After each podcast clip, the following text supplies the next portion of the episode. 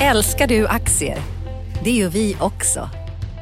Sea Worldwide Asset Management är en av Nordens största oberoende aktiva aktieförvaltare och har samlad kunskap sedan 1986. Ta del av vår kunskap på seaworldwide.se. Bokstaven C, worldwide.se.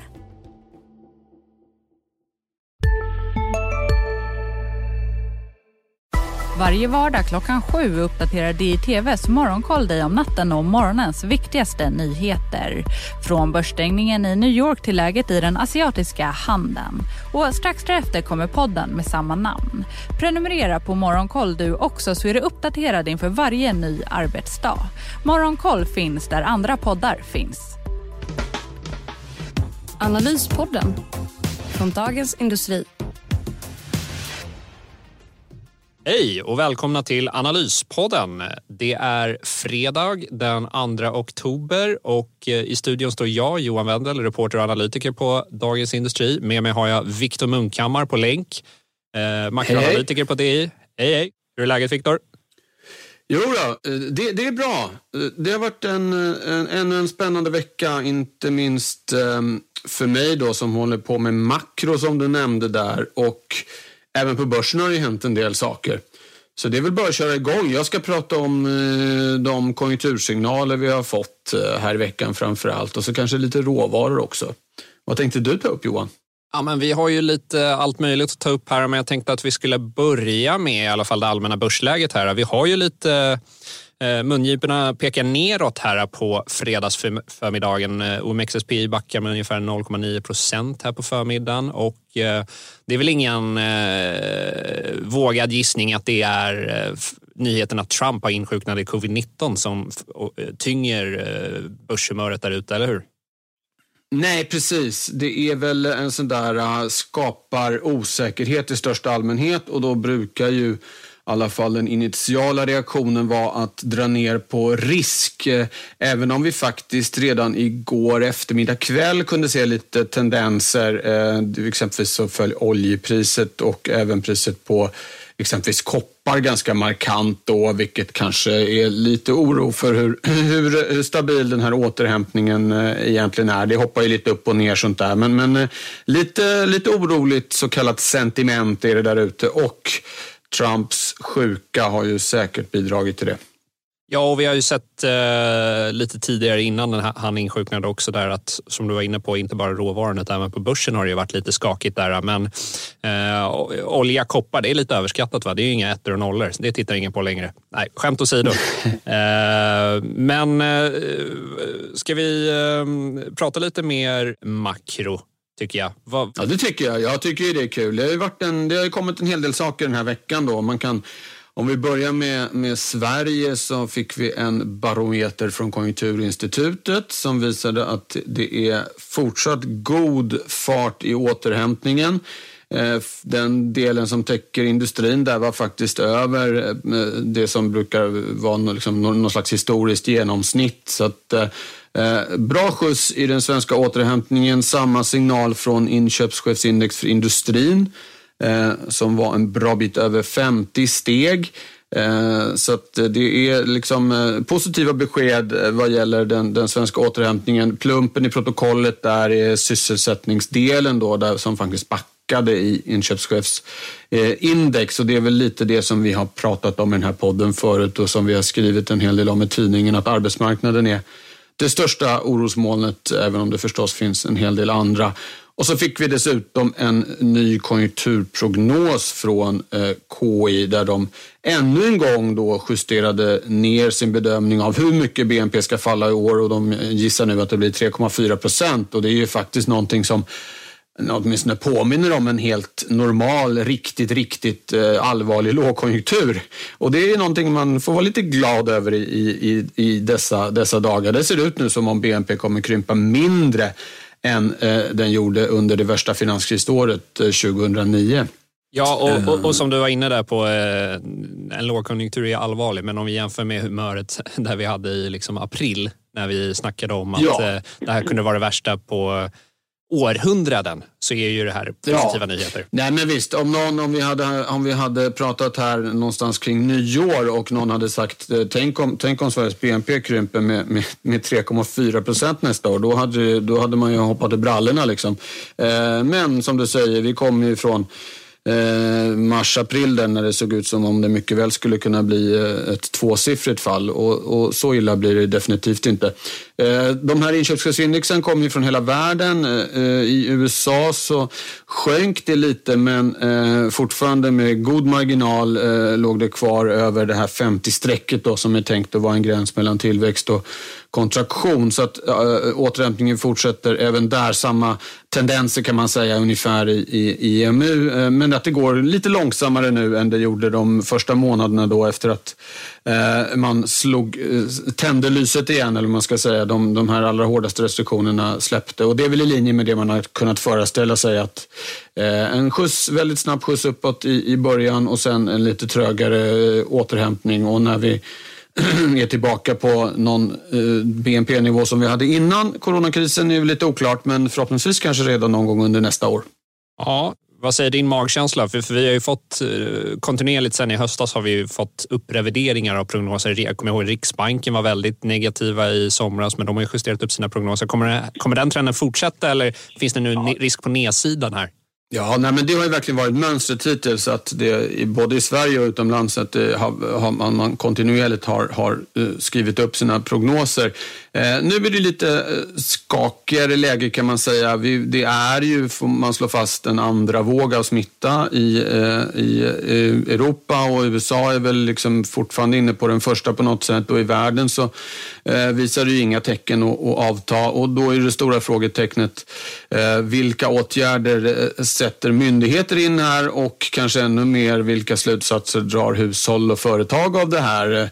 Eh, och, och, så det kan, det, det, kan ju bli en, ett, ett, bakslag då ifall man antingen för att det beordras, en, i en del länder har det införts någon slags partiella nedstängningar eller mer riktade insatser. Men också att eh, ehm, såklart människor av rädsla eh, för att bli smittade eller smitta någon eh, håller sig undan från arbetsplatser, affärer och, och, och, vad det nu är. Så att visst, det, finns ju, det, det, är ju fortfarande så att det är viruset som, som styr i, i mångt och mycket. Eh, men min magkänsla, som jag tror kanske att man ska akta sig lite för i och för sig, men den är väl att ja, vi kommer att fortsätta se att det kommer tillbaka snabbare än, än man trodde förut, även om nu börjar väl konsensus landa i att det inte blir fullt så illa som, som man hade trott. Så att överraskningspotentialen så att säga har ju, har ju minskat eh, kan man säga. Det är också, vi har varit inne på det i den här podden flera gånger tidigare att liksom den här debatten huruvida lockdowns eller inte blir lite missriktad. Det, det, det, är det en stor spridning på viruset så dämpar det ekonomiska aktiviteten oavsett vad man kör för approach där. Alltså det viktiga är att få bort viruset från, eh, från samhället. Eh, men Precis. jag tror också den, en osäkerhetsfaktor var i våras också att man visste ju inte, man kanske var lite osäker kring hur farligt det här viruset är. Sen nu känner man ju, jag personligen inte haft det, men man känner ju flera som har haft det och man får en inblick i hur det är att, hur det är att få det och de allra flesta överlever ju faktiskt, eller eh, den absoluta majoriteten överlever som får det. Eh, så att på det, det skapar ju också en viss, vad ska man säga, trygghet i, i att folk vågar kanske gå, vågar gå ut mer, även om det är mer av en smittspridning, även om du håller med? Ja, det är det väl. Sen en annan sak som är viktig är väl att sjukvården har lärt sig hantera det lite. Så att eh, om, man, om, man blir, om man skulle bli lika sjuk nu som i våras så har man bättre chanser att kunna få hjälp. Och där eh, har ju du skrivit en del om eh, olika behandlingar som har kommit fram. Det är ju inte bara vaccin det handlar om utan också vad man kan sätta in för eh, läkemedel om man blir, blir sjuk. Och där har det väl kommit generellt en ström av positiva nyheter, behandlingar som har visat sig göra effekterna mindre jobbiga och så vidare. Stämmer inte det? Jo men precis och vi fick ju lite data faktiskt från Regeneron i veckan här. Regeneron har ju varit en av aktierna som gått starkast på Nasdaq i USA där just för att de har eh, forskat på en antikroppscocktail då mot eh, covid-19. De tog ju fram en sån här cocktail mot eh, eh, ebola också och vad man gör då är att man Eh, Eh, tillverkar artificiella monoklonala antikroppar eh, som man sedan eh, injicerar i folk och tanken är då att de ska hjälpa personer att bekämpa det här covid-viruset. Men som sagt, första datan kom här i veckan och nu, nu ska man lägga in brasklappen att vi fick inga publicer, ingen publicering i medicinska tidskrifter utan all info kommer från bolagets pressrelease. Men Eh, de första indikationerna är att det här eh, visar lovande tecken eh, och att det kan vara ett effektivt vapen i kampen mot covid. Sen var lite brasklappar här. Den här datan som Regeneron släppte nu i veckan, det var för patienter som inte hade krävt inläggning på sjukhus, så att de var inte så allvarligt sjuka.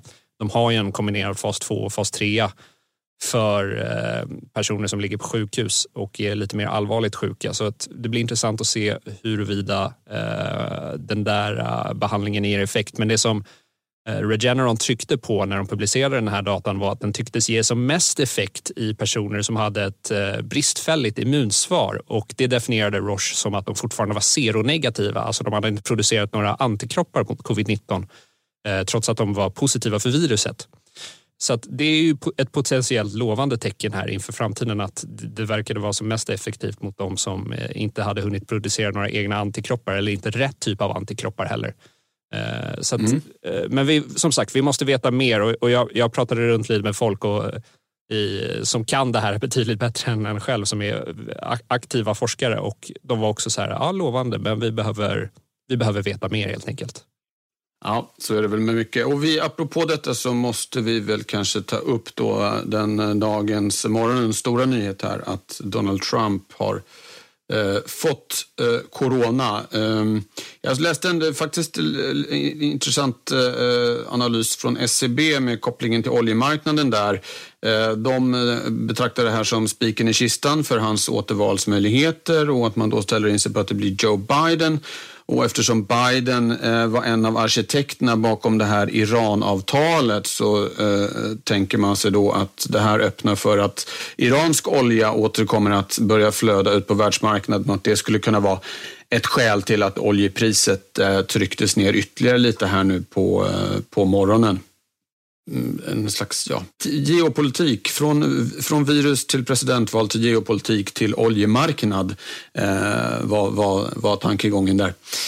Vi får väl se. Jag skulle inte vilja eh, avskriva eh, hans möjligheter att ta hem valet där på ett sätt eller annat.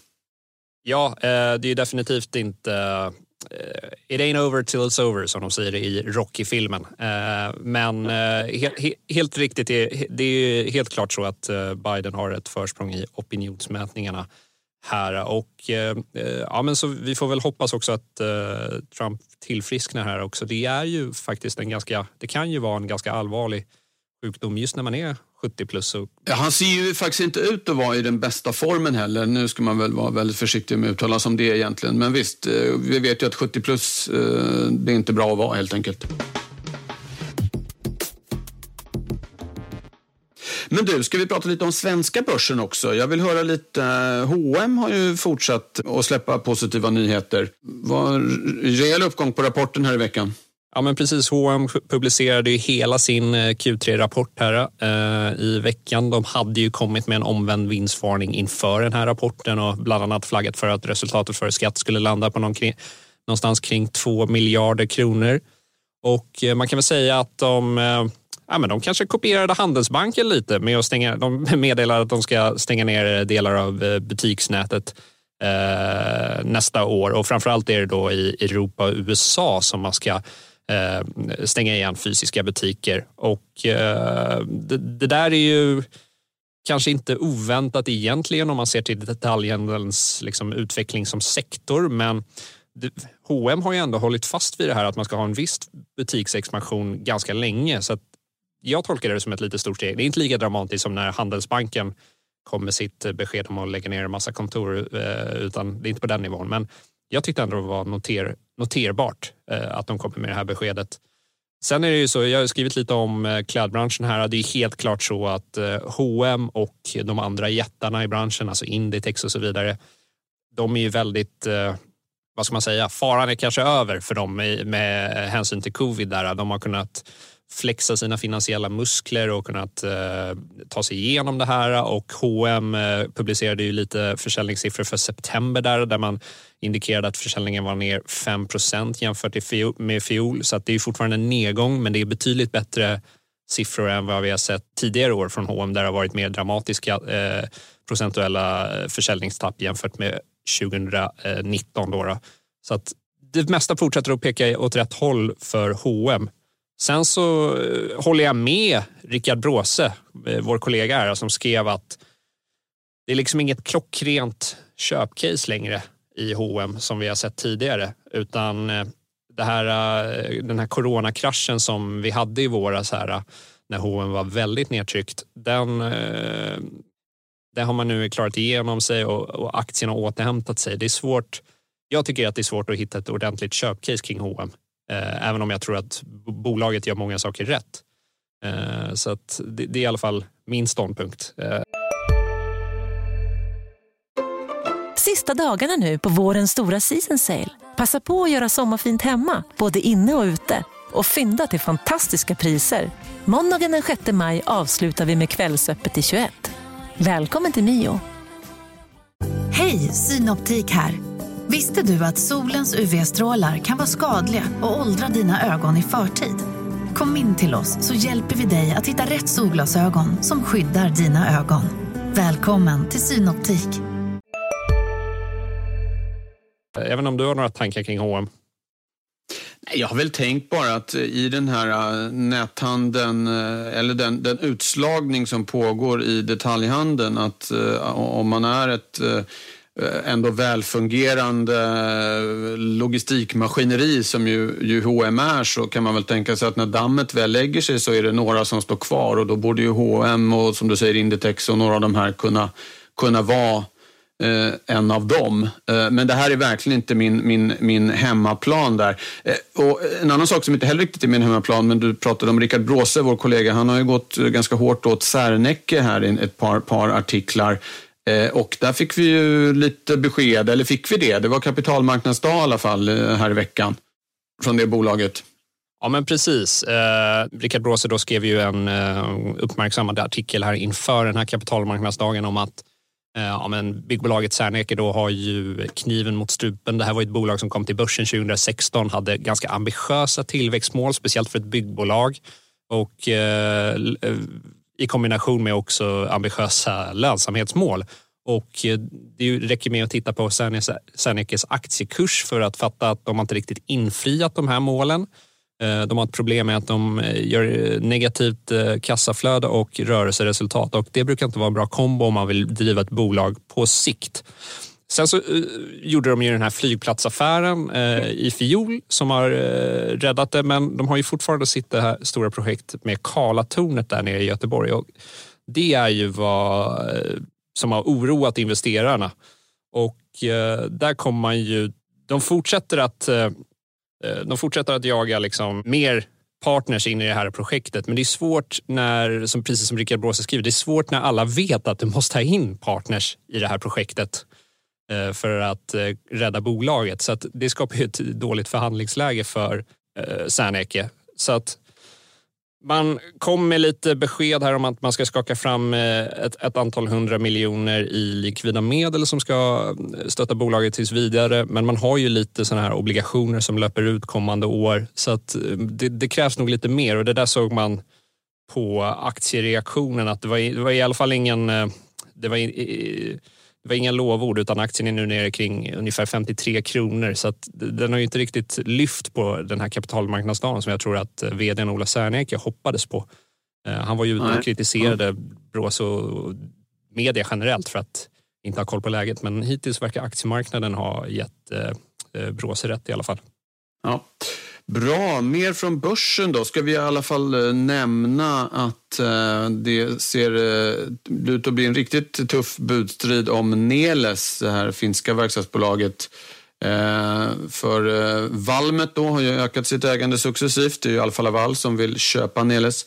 Och de annonserade i veckan att de ska försöka gå samman till och med, eller hur? Ja, men precis. Som du var inne på där, Alfa Laval har sedan tidigare lagt bud på Neles och nu vill Valmet in där och sno den pjäsen. Då, då. Och, eh, sen har vi faktiskt också ett, anna, eh, ett annat bud som dock eh, med största sannolikhet kommer gå igenom. Det är ju att eh, Altor tillsammans med Stena vill köpa ut Gunnebo från börsen. Eh, säkerhetsbolaget då, som har varit en kronisk underpresterare, underpresterare under ja, ett decennium kan man väl säga. Och, ja. eh, så det är väl kanske inte jätteöverraskande att eh, Gunnebo försvinner från börsen. Det är ett typiskt sånt bolag som kanske riskkapitalbolag eh, vill eh, göra en makeover på. Sen är det väl lite synd att man ser att de här bolagen som är billiga, som är underpresterare, som är lite value case försvinner från börsen och där förbättringen, då, den eventuella förbättringen ska sägas, eh, sker utanför börsen och att börsinvesterare inte får ta del av den utan den hamnar hos riskkapitalfonder. Det tycker jag är lite synd, men det är ju ja, det är spelets regler. Det är spelets regler. Även Cloetta ryktas ju vara på väg bort. Va? Där är det industriell eh, köpare i så fall. Eh, Orkla, norska livsmedelsjätten. Eh, jag vet inte, har du, hur mycket substans finns det i de ryktena? Har du någon känsla för det? Det är alltid svårt att säga, men ja, varför inte egentligen? De har ju köpt allt annat så varför inte ja, men Lite också? så. Det, för att ja. anspela på deras Cloetta-slogan så är det alltid svårt att veta vad som är det rätta när det gäller Cloetta.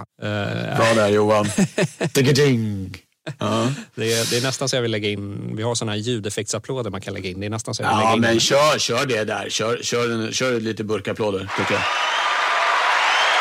Ja, ja, tack. Vad vill du mer prata om? Vad vill jag mer prata om? Nej, men jag tycker vi kan ta upp eh, en eh, lite som tickade in här medan vi har eh, faktiskt spelat in, nämligen inflationen i EMU. Den var ju en huvudvärk redan innan och det blev etter värre här. Septemberstatistiken, jag kan se, kolla på, på skärmen här då. Eh, kärninflationen eh, sjönk till 0,2 procent Eh, i september och där hade marknaden räknat med 0,5 och tittar vi bara på KPI rätt upp och ner så var det negativa tal då, minus 0,3 på årsbasis. Eh, eh, och där kan man nog säga att pressen ökar på Christine Lagarde och hennes kollegor där i ECB att göra någonting åt detta. Hon var ju ute och, och uh, pratade också i veckan och det lät väl ganska mjukt så där skulle jag kunna tro att det kommer komma mer saker, även om de än så länge är i samma situation som många andra centralbanker, att man lite kan liksom se igenom de, de utfall som tickar in här, för det är ju såklart en stor coronapåverkan. Men eh, eh, ECB sitter inte i någon bra situation. Det gör väl i och för sig inte någon centralbank, men om man jämför med exempelvis Riksbanken då, så har de ju åtminstone inflationstal som ligger på eh, rätt sidan, rätt, rätt sida nollstrecket. Eh, vi kan se också att euron har tappat ungefär 3 öre mot kronan här idag. Där kan nog en faktor vara att det finns en förväntan på eh, ytterligare eh, i första hand stödköp då från, från, från ECB. Det var en dagsfärsk notering. Och sen i eftermiddag då, det är ju strax före lunch här när vi pratar, möjligen vet man precis vad som hade hänt när man lyssnar på det, men då kom ju den här viktiga månadsstatistiken från USA eh, jobbsiffrorna då, där man tror att eh, det ska ha kommit eh, till ytterligare 850 900 000 Eh, jobb och att arbetslösheten ska ha tickat ner ett par tiondelar till, eh, ner till 8,2 tror jag konsensus var. Och det är ju den sista, sista mätningen innan valet där då, så den, det, det blir ju en, en, en, viktig temperaturmätare på återhämtningstakten på den amerikanska arbets, eh, arbetsmarknaden. Så det är väl någonting att se, se fram emot och det blir en viktig siffra. Ja men eh, precis, spännande. Och sen så, eh, jag ska väl avsluta lite med här och pusha för min intervju som jag gjorde i veckan, eller som publicerades i veckan, den gjordes veckan innan, med Sven Hagströmer. Ja, den nestorn. Ja, men precis. Eh, vi konstaterade här att han har ju ungefär 50 år på börsen under bältet så då får man uttala sig med, med, med epitetet ja, Nestor. Och det, och det gjorde han va?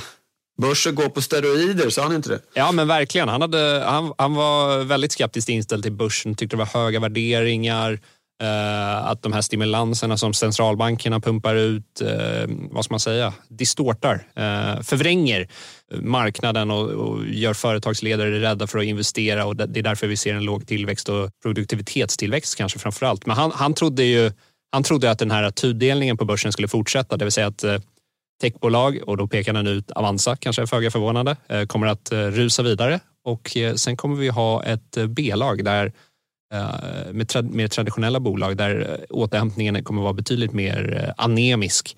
Och eh, uh jag tycker väl det scenariot låter ju väl inte helt orimligt. Det har ju varit storyn ja, senaste, sen finanskrisen kanske till och med, eller hur?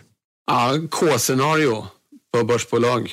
En, en, en tudelning. Ja, ja, inte minst i USA är det väl verkligen så. De här techjättarna där står väl för, ja, jag vet inte hur stor andel av det totala börsvärdet. Ja, och sen så Men sen ska man, ju, man ska ju säga också att eh, ja, de står för en stor andel av börsvärdet. De står ju också för en väldigt stor andel av eh, vinsttillväxten också, kommer ju i de här bolagen. Så det ska man ju inte glömma ja. bort heller.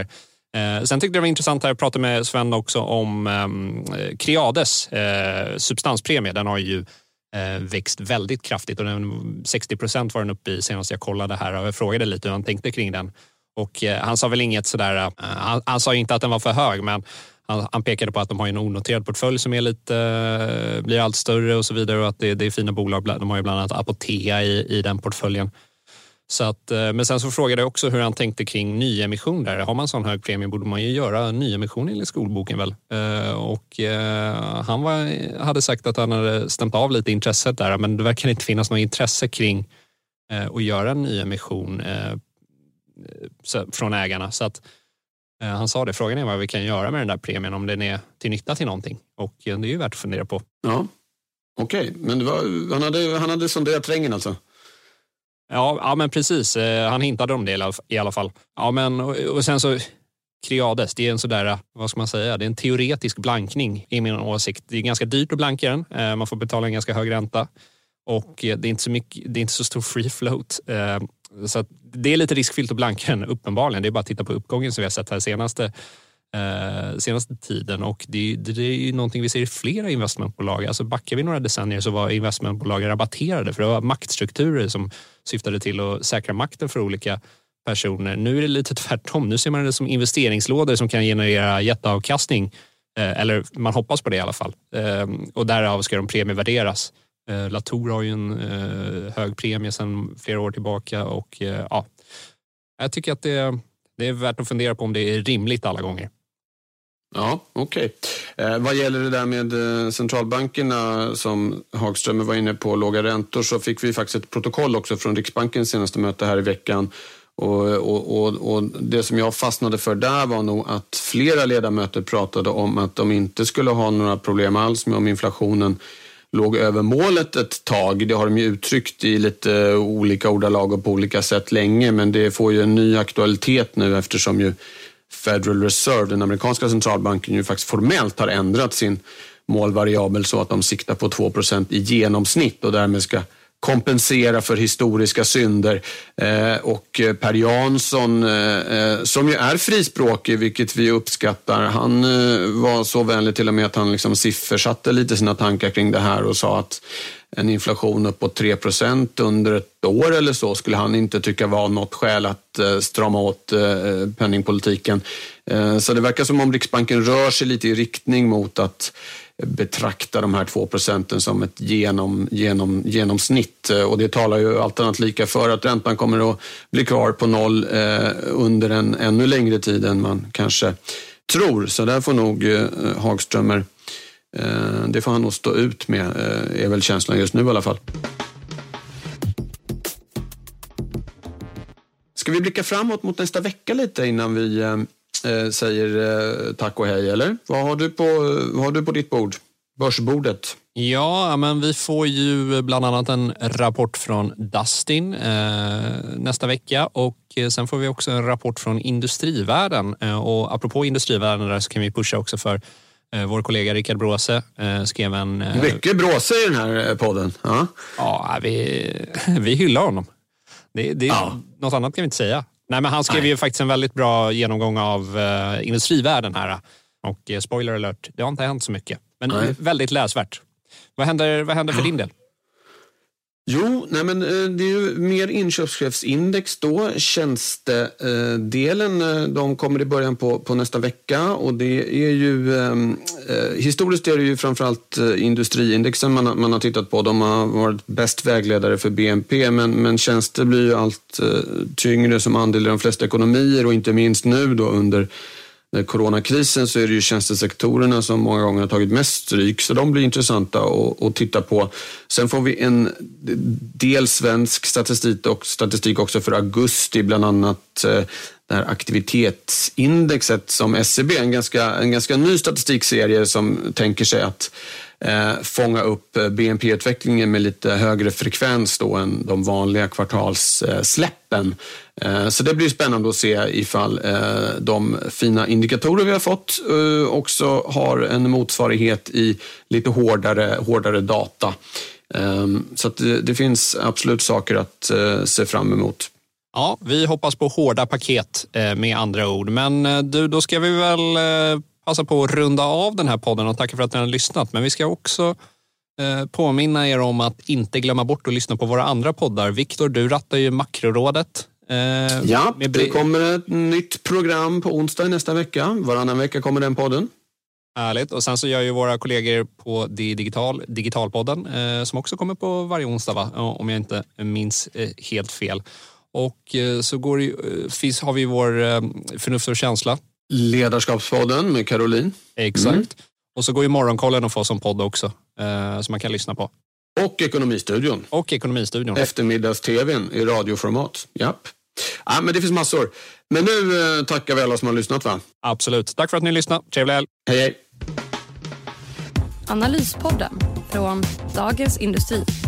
Programmet redigerades av Umami Produktion. Ansvarig utgivare Peter Fellman. Hej! Andreas Johansson på DIs nyhetsmagasin Ekonomistudion här. Vi fördjupar oss i de viktigaste frågorna och möter Sveriges makthavare inom ekonomi och politik. Ekonomistudion finns där poddar finns varje dag klockan 16.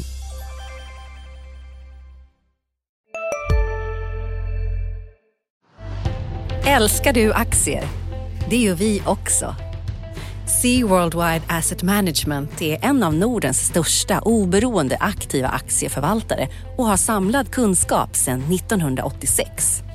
Ta del av vår kunskap på seaworldwide.se. Bokstaven C, worldwide.se